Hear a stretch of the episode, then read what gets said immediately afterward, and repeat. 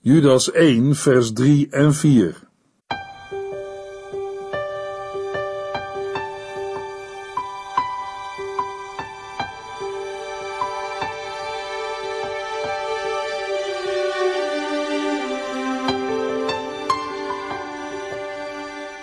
Hartelijk welkom bij De Bijbel Door, een programma van Transworld Radio.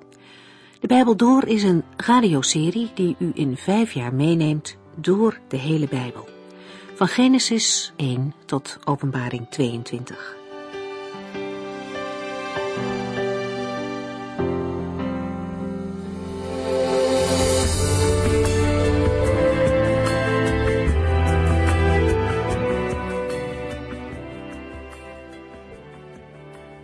We zijn al een heel eind gevorderd in de Bijbel en vandaag lezen we uit de brief van Judas die vlak voor het boek Openbaring te vinden is.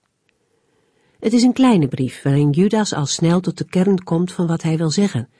Daar gaan we zo meteen verder op in.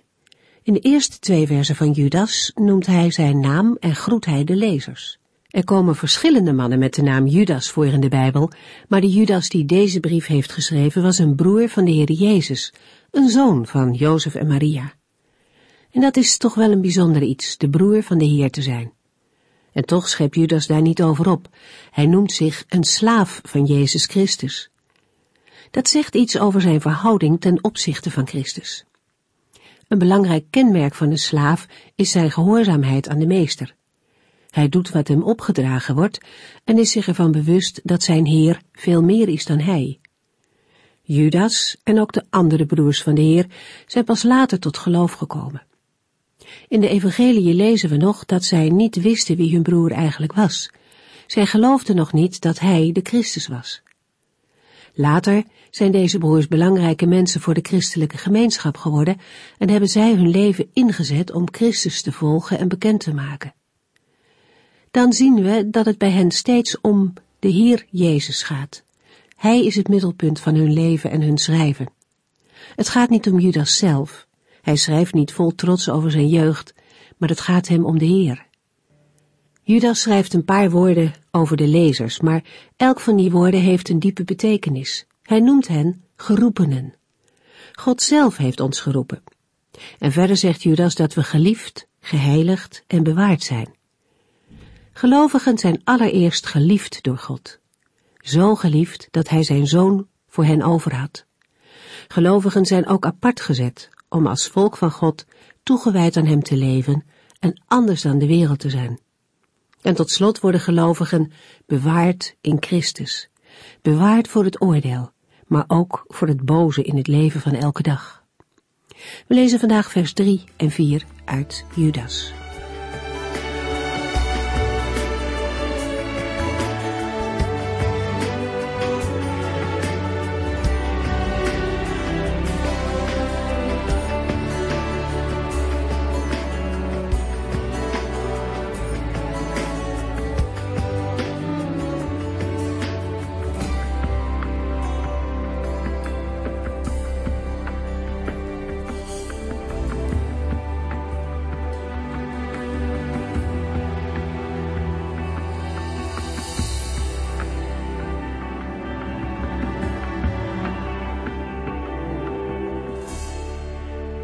In de vorige uitzending zagen we al dat Judas bezig was, voor deze brief, de gelovigen te schrijven over hun redding en behoud.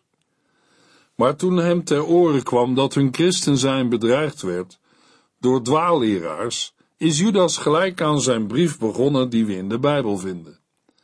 Liefde voor zijn medegelovigen is de grond van zijn schrijven.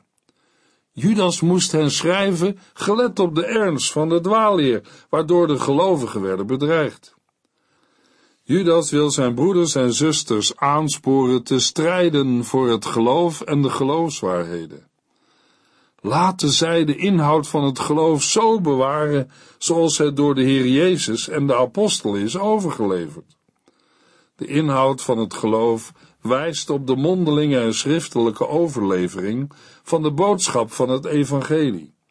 Een boodschap die teruggaat tot de Heer Jezus Christus en de apostelen en die normatief is voor elke gelovige. Het waren juist de dwaalleraars die zich beriepen op nieuwe openbaringen, die met de boodschap van de heiland en de apostelen in strijd waren. Judas wil met zijn brief de gelovigen helpen heilig te blijven en vast te houden aan de gezonde leer van Christus en de apostelen. In de vorige uitzending hebben we vers 3 al een keer gelezen, maar dat zullen we nu nog een keer doen. Judas schrijft: Vrienden, ik was al begonnen u te schrijven over de bevrijding die wij allemaal hebben ervaren. Maar nu zie ik mij genoodzaakt eerst over iets anders te beginnen. Ik roep u op te strijden voor het geloof dat God gegeven heeft aan wie hem toebehoren. Judas schrijft aan zijn lezers: Ik roep u op te strijden voor het geloof dat God gegeven heeft aan wie hem toebehoren. Strijden heeft hier de betekenis van opkomen voor de gezonde leer en eraan vasthouden. Wat Christus en de apostelen onder leiding van de Heilige Geest hebben verkondigd en opgeschreven, is normatief voor iedere gelovige. apostel Paulus schrijft in 1 Corinthians 11, vers 1 en 2: Volg mijn voorbeeld, vrienden, zoals ik het voorbeeld van Christus volg. Ik ben blij dat u steeds aan mij denkt en nog precies weet wat ik heb gezegd, en dat u zich houdt aan alles wat ik heb doorgegeven. En in hetzelfde hoofdstuk laat de apostel Paulus zien dat wat hij heeft verkondigd en geschreven niet van hemzelf komt, maar van Christus. We lezen in 1 Corinthians 11 vers 23. Wat ik u hierover al eerder heb verteld, heb ik van de Heer ontvangen. In 1 Corinthians 15 vers 1 tot en met 11 schrijft Paulus: Ik kom bij u met het goede nieuws dat ik al eens eerder heb gebracht. U hebt het aangenomen en het is nu de basis van uw leven. Als u blijft bij wat ik u heb gezegd, is dat uw redding. Anders had u net zo goed niet gelovig kunnen worden. Het belangrijkste van het goede nieuws dat ik heb ontvangen en u heb doorgegeven is dit. Christus is voor onze zonden gestorven, zoals voorzegd is in de boeken. Hij werd begraven en is op de derde dag weer levend gemaakt, wat ook in de boeken stond. Hij is gezien door Petrus en daarna door de twaalf apostelen samen. Later is hij gezien door vijfhonderd van zijn volgelingen tegelijk. Hoewel enkele van hen al gestorven zijn, leven de meeste nog. Hij is gezien door Jacobus en daarna nog eens door alle apostelen. En als allerlaatste heb ook ik hem gezien, ik, de onwaardige. Ik ben de minste van alle apostelen en zou niet eens apostel mogen worden genoemd, omdat ik de gemeente van God vervolgd heb. Maar wat ik ben, ben ik omdat God zo goed voor mij is geweest. En dat was niet te vergeefs, want ik heb harder gewerkt dan de andere apostelen. Toch heb ik dat niet zelf gedaan, maar God deed het door zijn genade. En het gaat niet om hen of mij. Waar het om gaat, is dat wij allemaal hetzelfde goede nieuws hebben gebracht en dat u het hebt aangenomen. Nog een laatste citaat van Paulus uit 2 Thessalonicense 2 vers 15. Wees dus standvastig en houd vast aan de leer die wij u mondeling of per brief hebben onderwezen. Het tegenovergestelde van blijven in Christus en vasthouden aan zijn beleidenis, lezen we in 2 Petrus 2 vers 20 tot en met 22. Als iemand door de Heer en Redder Jezus Christus te aanvaarden aan de verkeerde levenswijze van de wereld is ontsnapt, maar er zich later weer door laat inpalmen en overmeesteren, is hij er slechter aan toe dan ooit tevoren. Het zou beter zijn geweest als hij nooit had geweten hoe hij rechtvaardig moest leven. Maar nu hij het heilige gebod kent en er niets meer van wil weten, geldt voor hem dit oude spreekwoord. Een hond keert terug naar zijn eigen braaksel en ook een gewassen varken wentelt zich toch weer in de modder. Judas wil de gelovigen bewaren voor dwalingen en spoort hen aan te blijven bij het onderwijs van Christus en de apostelen. Het waren juist de dwaalleraars die zich beriepen op nieuwe openbaringen, maar die openbaringen waren in strijd met de gezonde leer en moesten daarom worden bestreden. In 2 Timotheus 2 vers 24 tot en met 26 geeft de apostel Paulus aan zijn medewerker Timotheus instructies voor de strijd tegen de dwaalleer. Paulus schrijft, een knecht van de Heere mag geen ruzie maken. Hij moet de mensen die verkeerd doen vriendelijk en geduldig terechtwijzen. Wees daarom nederig als je de mensen die zich verzetten duidelijk de waarheid zegt. Want als je vriendelijk met hen spreekt, is er een kans dat zij met Gods hulp hun verkeerde ideeën zullen loslaten en de waarheid gaan erkennen. Dan zullen ze tot bezinning komen en zich losmaken uit de valstrik van de duivel, die hen gevangen houdt en in zijn macht heeft. Een letterlijke vertaling van de Griekse tekst van het slot van vers 3 maakt al duidelijk om welk strijden het gaat. Dat u strijdt voor het geloof dat eenmaal de heiligen overgeleverd is. En over het geloof, wat de gelovige eenmaal is overgeleverd, lezen we ook in Handelingen 2, vers 42, waarvan de gelovigen wordt gezegd, zij bleven trouw aan wat de apostelen hun leerden en gingen als één grote familie met elkaar om. Ze kwamen vaak samen voor de maaltijd van de Here en voor gebed. Het gaat Judas om de eer van God en het vasthouden aan de leer van de apostelen. In Efeziërs 4, vers 14 tot en met 20 lezen we: Wij zullen dan niet langer als kinderen zijn, die zomaar van gedachten veranderen. Wij laten ons dan ook niet meer door van alles beïnvloeden, ook niet door de verkeerde leer van slimme mensen die ons op een dwaalspoor willen brengen. Nee, dan zullen wij vol liefde de waarheid volgen en alleen doen wat waar is. En zo steeds meer één worden met Christus, die het hoofd is van het lichaam, de gemeente. Door hem wordt het lichaam prachtig samengevoegd. Elk deel helpt de andere delen naar vermogen, zodat het hele lichaam gezond groeit en vol liefde is. Ik zeg u dit met nadruk, en ik spreek namens de Heere. Leef niet langer als mensen die Gods wil niet kennen, want die zijn verblind en verward. In hun hart is het helemaal donker. Zij staan verre van het leven van God, omdat zij niets van Hem willen weten en Hem niet willen begrijpen. Het kan hun niet schelen of iets goed of slecht is. Zij trekken zich nergens iets van aan en worden voortgedreven door een slechte gedachte en wilde begeerte. Maar zo heb u Christus niet leren kennen. Judas 1 vers 4 Ik zeg dit, omdat er onbetrouwbare mensen zijn binnengedrongen die beweren dat wij er maar op los kunnen leven. Volgens hen is Gods genade zo groot dat hij alles door de vingers ziet. Het staat al lang vast dat mensen die dit zeggen en toepassen, daarvoor veroordeeld zullen worden. Zij weigeren Jezus Christus als leider en Heer van hun leven te erkennen. In de verschillende christengemeenten zijn dwaalleraars binnengedrongen, die beweren dat wij er maar op los kunnen leven. De dwaalleraren worden niet met name genoemd, maar wel wat zij beweren en verkondigen. Zij veranderen de genade van God in losbandigheid en verloochenen de Heere en zijn Zoon Jezus Christus.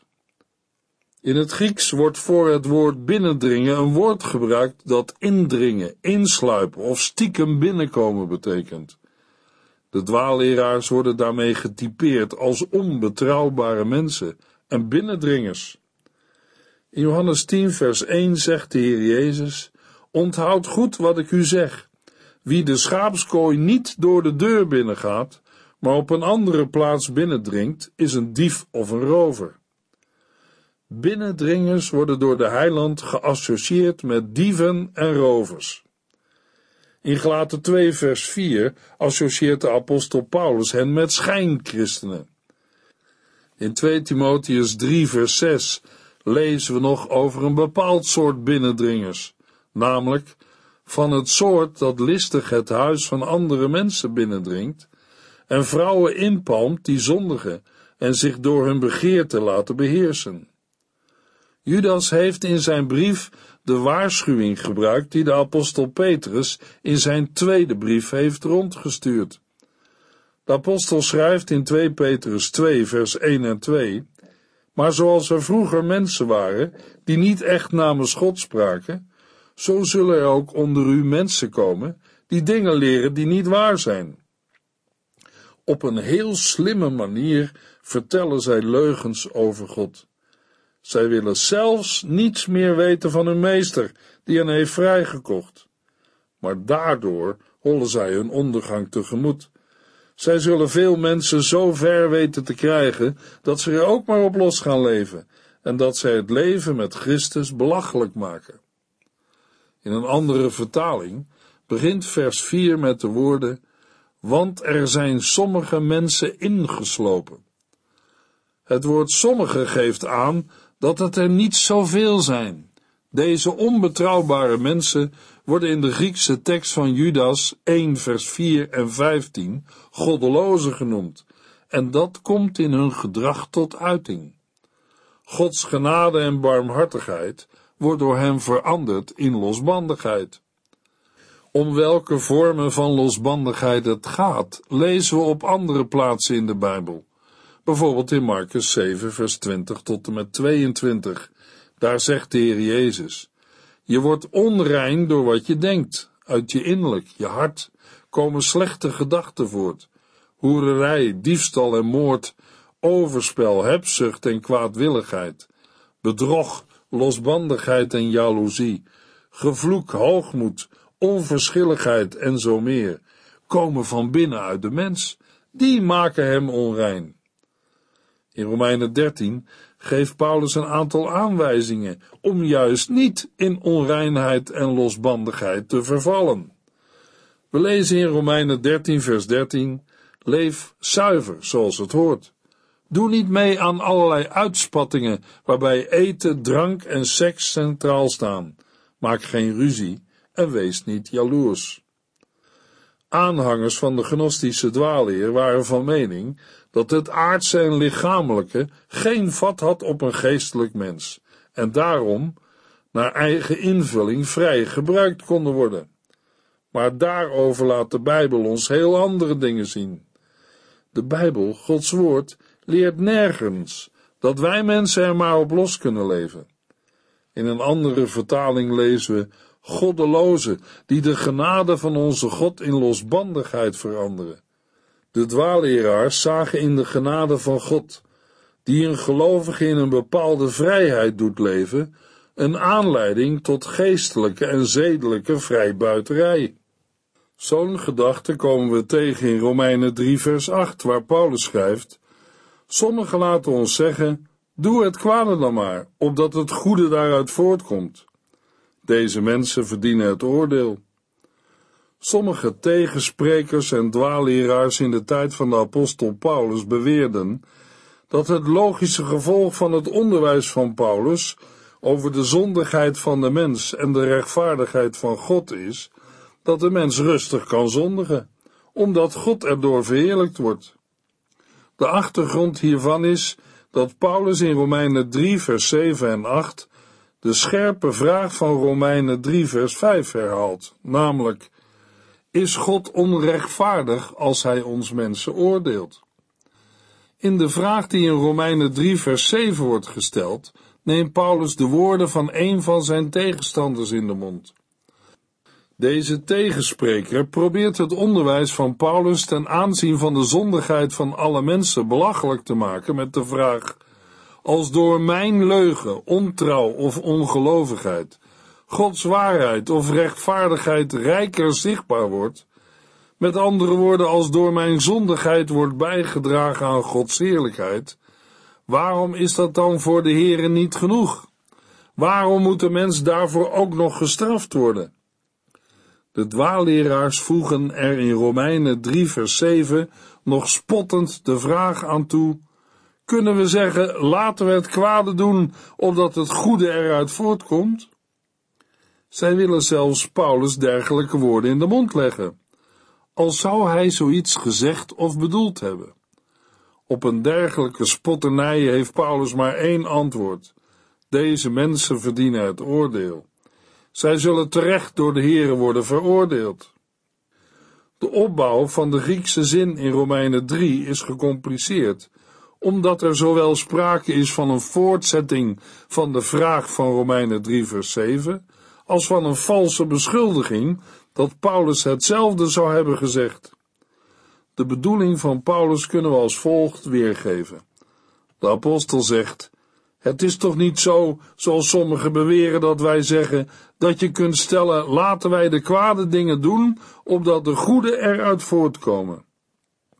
De apostel maakt duidelijk dat de tegensprekers en dwaalleraars ongelijk hebben, en bovendien heeft de apostel Paulus zoiets nooit beweerd. Judas wijst zijn lezers op een soortgelijk probleem omdat de wortels van deze dwaling hetzelfde zijn als bij de apostel Paulus, namelijk de bewering dat wij mensen er maar op los kunnen leven. Waarom? Omdat het lichamelijke er toch niet toe doet en Gods genade zo groot is dat Hij alles door de vingers ziet. Maar in de programma's van de laatste tijd is duidelijk naar voren gekomen dat God de zonde helemaal niet door de vingers ziet. Hij heeft de zonden van alle mensen op zijn zoon Jezus Christus gelegd. En Christus heeft zich opgeofferd voor onze zonden, opdat een ieder die in hem gelooft niet verloren gaat, maar voor eeuwig gered zal worden. De conclusie van Judas is duidelijk. Het is namelijk niet de conclusie van Judas, maar van de Heere zelf. Het staat lang vast dat mensen die dit zeggen en toepassen, daarvoor veroordeeld zullen worden. Zij weigeren Jezus Christus als leider en Heer van hun leven te erkennen. Leven in de vrijheid van Christus is geen vrijbrief voor een losbandige levenswijze. In Gelaten 5 vers 13 lezen we, Broeders en zusters, God heeft u niet de vrijheid gegeven om te misbruiken en uw eigen zin te doen, maar om elkaar te dienen in een geest van liefde. In een andere vertaling lezen we, want u bent geroepen, broeders, om vrij te zijn. Gebruik echter die vrijheid niet als een aanleiding voor het vlees, maar dient elkaar door de liefde. In Lucas 6, vers 46 tot en met 49 zegt de Heer Jezus tegen de mensen, hij is gelijk aan iemand die bij het bouwen van een huis diep gegraven en het fundament op de rots gelegd heeft. Toen een watervloed kwam en de stroom tegen dat huis aansloeg, kon hij het niet aan het wankelen brengen, omdat het goed gebouwd was. Maar wie hoort en het niet doet, is gelijk aan iemand die een huis op de grond bouwt zonder fundament. Toen de stroom daartegen aansloeg, stortte het terstond in en het huis werd één grote bouwval. In het onze eigen gang gaan, verloochenen wij onze meester en zijn wij ongehoorzaam omdat we meer naar onze eigen stem luisteren dan naar de stem van Jezus Christus.